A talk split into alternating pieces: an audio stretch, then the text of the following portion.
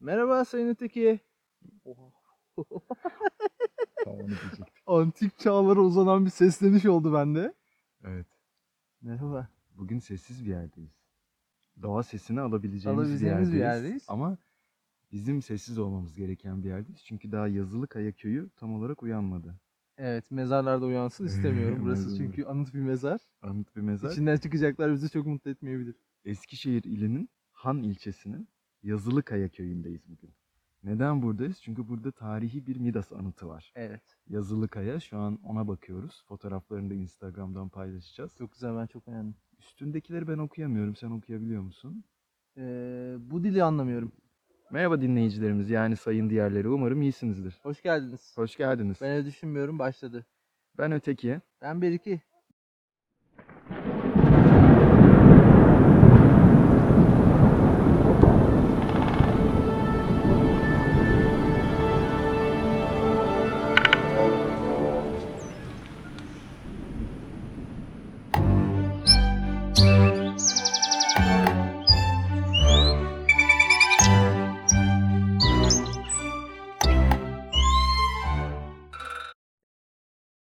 Tam olarak neredeyiz? Midas anıtı. Midas anıtı Yazılıkaya mahallesindeyiz. ya da e, Amerikan literatüründe bilinen adıyla Midas City. şey mi bu yani Yozgat City gibi bir şey mi? Midas Bunu City neden e, söyledin her New Yorker'ın bildiği bir yerdir Midas City. Öyle mi? Bilmiyorum. Şu an attım.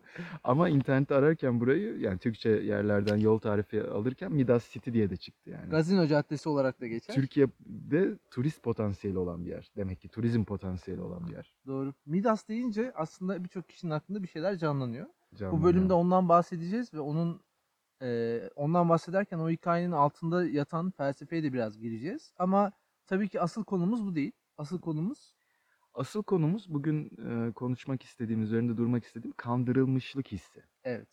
Bunu hemen azıcık açayım. Programın ilerleyen dakikalarında daha da açacağız ama dinleyicilerimizi bilgi vermek adına hepimiz küçüklüğümüzden beri inandığımız bazı doğrularımız var. Koyulan kurallar var bize ve tabii bu toplum tarafından, büyüklerimiz tarafından koyuluyor olabilir. Ve eğer bunlara uyarsak, bunları birer birer gerçekleştirirsek sonunda bir mutluluğa, iç huzura ve hatta hayatın anlamına ulaşabileceğimize dair bir inancımız var içimizde yerleşmiş. En azından benim öyle bir inancım var. Ben burada izninle Sayın Öteki bir uyarıyla dinleyicilerimize seslenmek istiyorum. Sayın diğeri yani sayın dinleyicilerimiz. e, biz insanlarda varoluşsal kaygı oluşturmaya çalışan bir podcast değiliz. Anarşi ya da baş kaldırıyla da hiç asla alakamız yok ve olamaz. Okulunuzu veya işinizi bırakın derdinde de değiliz. Bunu özellikle söylüyorum. Eğer hedefinize yani koyduğunuz bir hedef varsa başkalarının değil sizin koyduğunuz kendi hedefinize size hangi sıkıcı rutin götürecekse onu sürdürmeye devam ediniz. Ve bizi dinlemeye de e, ve takip etmeye devam ediniz. Biz sadece doğamıza bir yolculuk yapmaya çalışıyoruz. Bunu da doğaya gelerek yapıyoruz.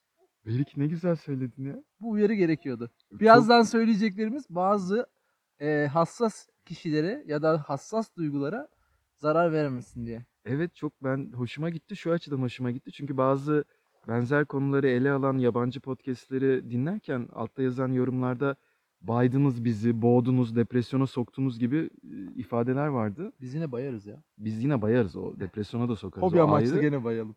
Ama e, bu uyarıyı o açıdan verdiğin çok iyi oldu programın öncesinde. Peki bu kandırılmışlık hissi hakkında ne düşünüyorsun? Direkt, Senin de hissettiğin bir şey mi? direkt girdin ya.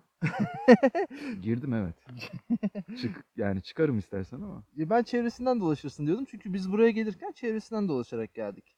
Nerede olduğumuzu da anlatmalıyız bence önce. O zaman kandırılmışlık konusunun çevresinden dolaşarak seni kandırayım, Evet. konuya geleyim istiyorsun. Biz zaten buraya gelirken bir defa kandırıldık. Yani normal rotayı izlerken. Evet, yolda kandırıldık. Şöyle kandırıldık.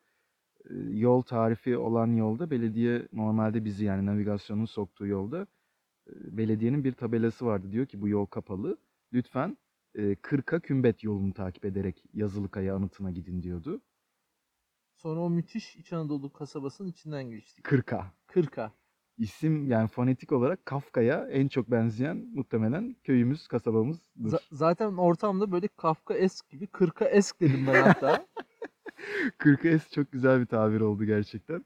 Karanlık, depresif. karanlık, biraz tedirgin edici Evet evet. bir ortamdı. Ama çabuk geçtik oradan. Çabuk geçtik. Oradan sonra kümbete girdik.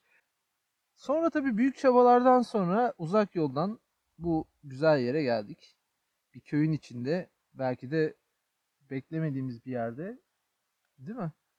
Böyle bir beklentin var mıydı? Yoktu yani gelmeden tabii internetten fotoğraflarına falan baktım ama bu kadar güzel, tatlı ve rahat olabileceği aklıma gelmemişti. Ben yine çeşitli zorluklar yaşarız diye düşünmüştüm. Sahipli tatlı bir köpeksin. Evet, çan sesiyle yine bir diğeri aldık. Geçen programda da Mamuca programında da almıştık bir patili arkadaşımız.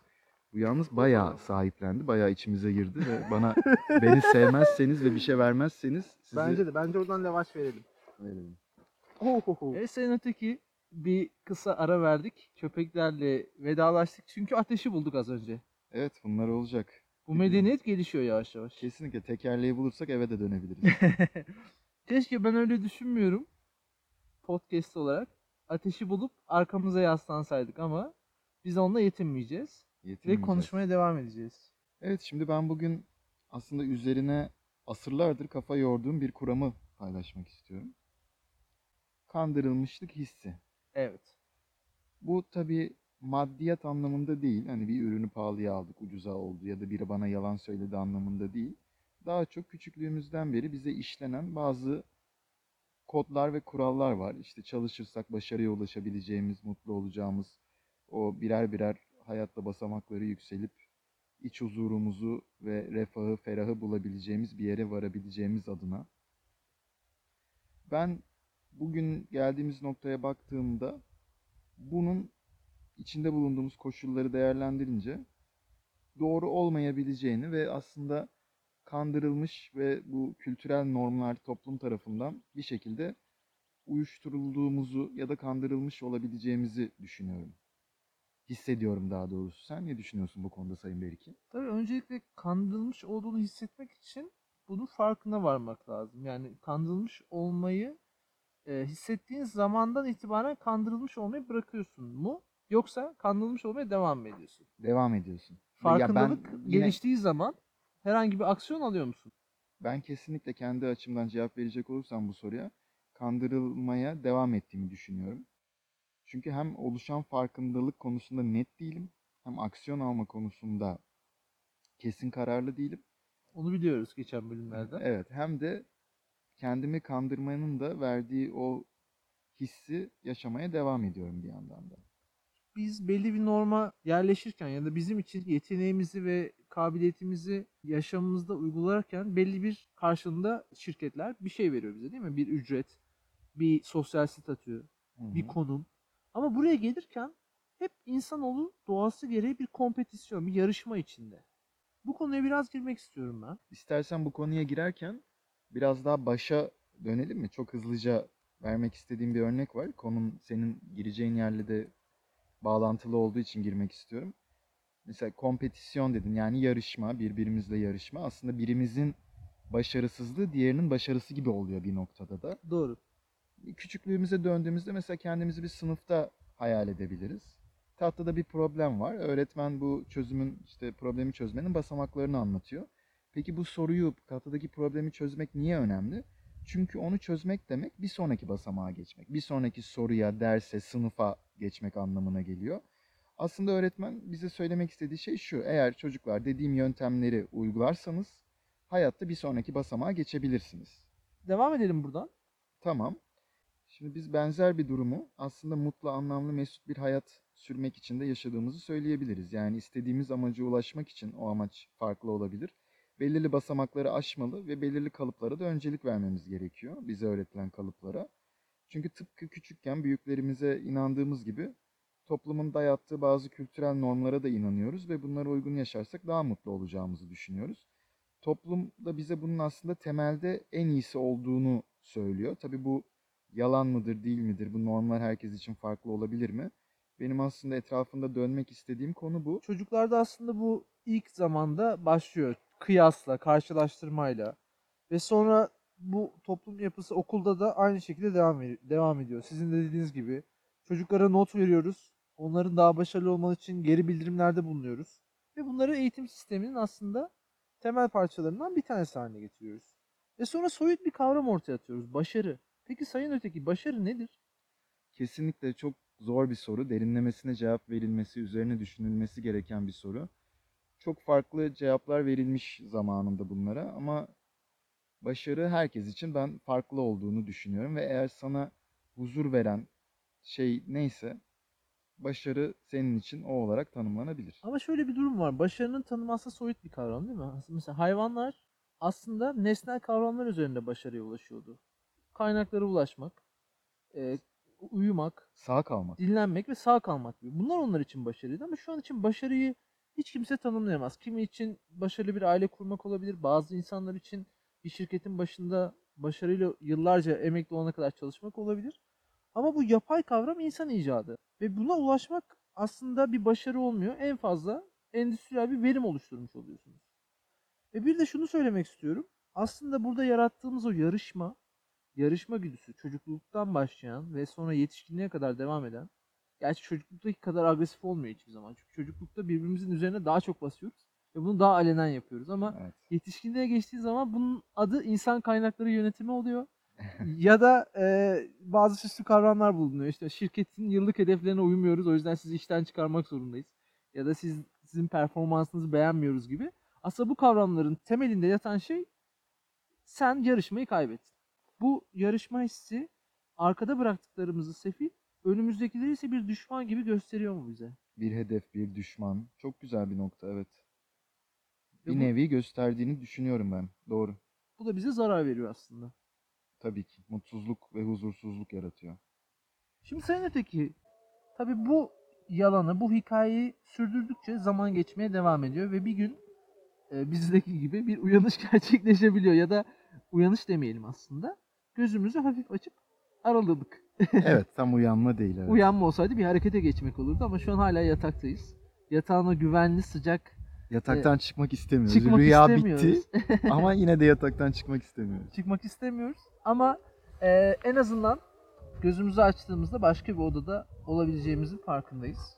Aslında bu yarışma fikri, yarışmadan bahsetmen Sayın Beriki beni biraz eskilere götürdü. Bu çünkü eskiden de olan bir şey. Yani günümüzde insanlar birbiriyle yarışmaya başlamadı. Eskiden, eski toplumlarda da varmış. Ve tabii şu an içinde bulunduğumuz yer itibariyle mesela bu e, Frigya kralı Midas.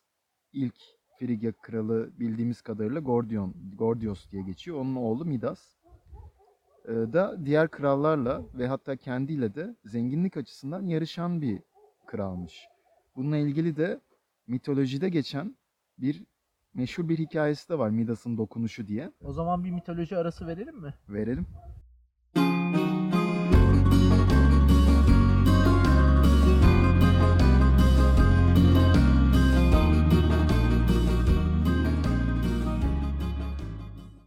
Şimdi Sayın Beriki, bu arada benim anlatmak istediğim Kral Midas'ın mitolojideki hikayelerinden biri. Şimdi Kral Midas benim anlatmak istediğim ilk hikayesi altın dokunuşuyla ilgili olan o dönemin Frigya kralı. Şimdi tabii mitolojideki hikayeler çeşit çeşit versiyonları var. Benim anlatacağım versiyon o dönem Frigya Anadolu liselerinde anlatılan müfredattaki versiyon. Pekala. Midas açgözlülüğüyle tanınan bir kral. Tam olarak kötü biri olarak geçmiyor ama çok zeki olduğu da söylenemez. Bir gün tahtında oturuyor işte klasik krallığını yapıyor. Nöbetçiler geliyor kralım diyorlar bir berduş bulduk bahçede. Derdest edilip huzurunuza getirdik diyorlar. Bahçede zevki sefaya dalmış bir berduş. Bu kişi, bu berduş, Dionysos'un yani şarap, eğlence, kehanet, tiyatro ve aynı zamanda delilik tanrısı Dionysos'un hocası ve yoldaşı sayılabilecek bir Silenos isminde bir satir. Yani yarı keçi, yarı insan bir varlık. Zevke ve sefaya düşkün. Midas'ın bahçesinde de çeşitli mantarlar var, sihirli. Magic mushroom gibi mantarlar var. Amsterdam. Bunlara dadanıp kafayı buluyor. Zaten Silenos'un olayı bu. Kafayı bulmak. Devamlı hayatını öyle yaşıyor. Midas hemen tanıyor Silenos'u. Ve çok misafirperver davranıyor. O Silenos gel diyor tam da yengen bonsai sarması yaptı. Yanında da pisi, pisilosin mantarlı risotto var gel katıl diyor. Bu tabi Silenos'un çok hoşuna gidiyor. Partiler yapılıyor, günler geçiyor. 10 gece, 10 gün sarayında ağırlıyor Silenos'u Midas. Dionysos'un bu durumdan haberi oluyor Ve çok hoşuna gidiyor. Yani benim bir yoldaşıma gösterilen bu misafirperverliği benim ödüllendirmem lazım diyor. Dionysos parti yapılan her yer hoşuna gidiyor galiba. Biraz aslında öyle e, şey. Gerçi çok şey bir tanrı yani. Sa- 300-500 tanesi diyebiliriz yani. Savaşlara da çok katılmış bir tanrı. Yeniden doğumu, doğma hikayesi falan var ama neyse oralara girmeyeceğiz şimdi. Kral Midas'a bir dilek veriyor. Kral Midas da diyor ki her dokunduğum altın olsun böylece daha zengin olayım diyor. Aslında krala göre zengin evet ama daha da zengin olmak istiyor. Dionysos diyor ki bak Midas emin misin? Yatırım tavsiyesi vermiyorum ama ortam enflasyonist, faiz artacak diyorlar. Hem artık dijital frik coin var. Gel sana en iyi onlardan bir sepet yapalım diyor. Midas yok diyor. Yani bildiği tek yatırım aracı gram altın olan sıradan Frigyalı yurdum teyzesi gibi altında altın diyor. Peki diyor Dionysos tamam sana bu yeteneği veriyorum diyor. Ama o sırada da gidiyor altını shortluyor. Yani altında short pozisyon açmak demek altının düşeceğini oynamak. Açığa satmak gibi bir şey. Sonra ne oluyor? Midas'ın her dokunduğu altın olunca ne olur? Arz talep dengesi şaşar değil mi? Her şey altın olunca altının değeri düşer. Kayserili teyzeler buna çok bozuldu. altın tarihi dip yapıyor. Midas Dionysos'u buluyor, yalvarıyor. Diyor ki ya tamam ben hani altından çok şikayetçi değilim. Altın hala benim güvenli limanım ama sağ elimle dokunduğum gümüş ne bileyim serçe parmağımla dokunduğum paladyum platin falan olsun. Altında büyük battım ya diyor. Kurtar beni diyor. Dionysos diyor ki tamam be tamam kral diyor tamam. Bu arada da altında hemen long pozisyon açıyor. Yani yükseleceğini oynuyor altının. Diyor ki Dionysos git diyor Paktolos ırmağına bir abdest al. Senin bu yeteneğin geçecek. Her şey eski haline dönecek diyor. Midas gerçekten de gidiyor. Bu ırmakta yıkanıyor. Ve her tuttuğunun altına dönüşmesinden kurtuluyor. Aynı zamanda önceden dokunduğu altın olanlar da eski haline kavuşuyor. Ve o günden bugüne bu ırmakta altın parçacıklarının bulunması da bu efsaneye bağlanıyor. Bu ırmak günümüzde Sart çayı ya da bazı kaynaklara göre tabak çayı olarak geçiyor. Bozdağ'dan doğup şu an Manisa sınırları içerisinde bulunan e, bir eski Lidya Krallığı'nın başkenti Sardes harabelerinden geçerek Gediz Nehri'ne dökülen bir, Sen bir tam konum atsana. bir ırmak ve hala kumlarının altın gibi parladığı At söyleniyor. at o konumu at sen. altın gibi. Ama bize at sadece. altın gibi parlıyor ama altın yok. Yani bu hikayenin kısadan hissesi ne? Piyasada balinalarla aşık atılmaz. Bir dakika öteki. Yalnız bu versiyonu siz biraz finansiyelize ettiniz ama bu versiyon dışında da bir versiyon var. Yani gerçek hikayesi var tabii ki. Onu bilerek anlatmadım. Çünkü yani çok sık her türlü e, ortamda anlatılan ve bulunabilen bir hikaye. Peki neden böyle bir hikaye var? Ge- gerçek hikayesinin bağlantısını da koyarım. O dönemin Paktolos Nehri'nin de bulunan altınları bağlamak için böyle bir hikaye oluşturulmuş. Bir yandan da açgözlülük ve yarışma, doymamazlık e, üzerine başınıza kötü şeyler gelebilir. Hani ne istediğinize, ne dilediğinize dikkat edin olarak da bir mesaj çıkartılabilir buradan tabii ki. Çok güzeldi. Özellikle kendi kattığınız yorumu da çok beğendim. Ee, özgün bir yorumdu. Ee, ve mitoloji arası sona erdi. Sona erdi.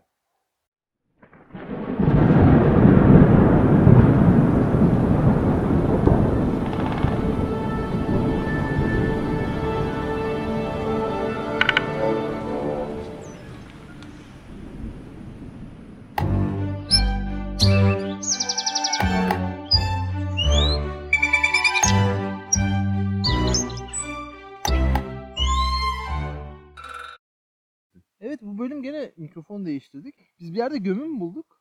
Eğer rotalarımızı takip ederlerse o gömünün nerede bulduğumuzu dinleyicilerimiz şey yapabilir, e, Her bulabilir. gittiğimiz yere de QR kod bırakıyoruz. Onlar da aslında ufak bölümler açıyor size. Sadece ana görevleri tamamlamayın. Yan görevleri de tamamlayın bu oyunda. Yani burada bir yazılı kaya var. Zamanında insanlar buraya 17 metre yüksekliğinde böyle bir anıt dikmişler. Kralları için muhtemelen ya da tapınak olabilir ayin yaptıkları. Buraya yazılar yazmışlar. Biz şimdi onu QR'a geçtik öyle mi? Aslında motiflere baksan biraz Benziyor da. Instagram'dan paylaşırız. QR'a da benziyor yazılı kayanın üstündeki motifler değil mi? Evet bunları okutsak acaba bizi nereye götürecek? Bu çağın ilk QR kayası olabilir mi? QR kayası.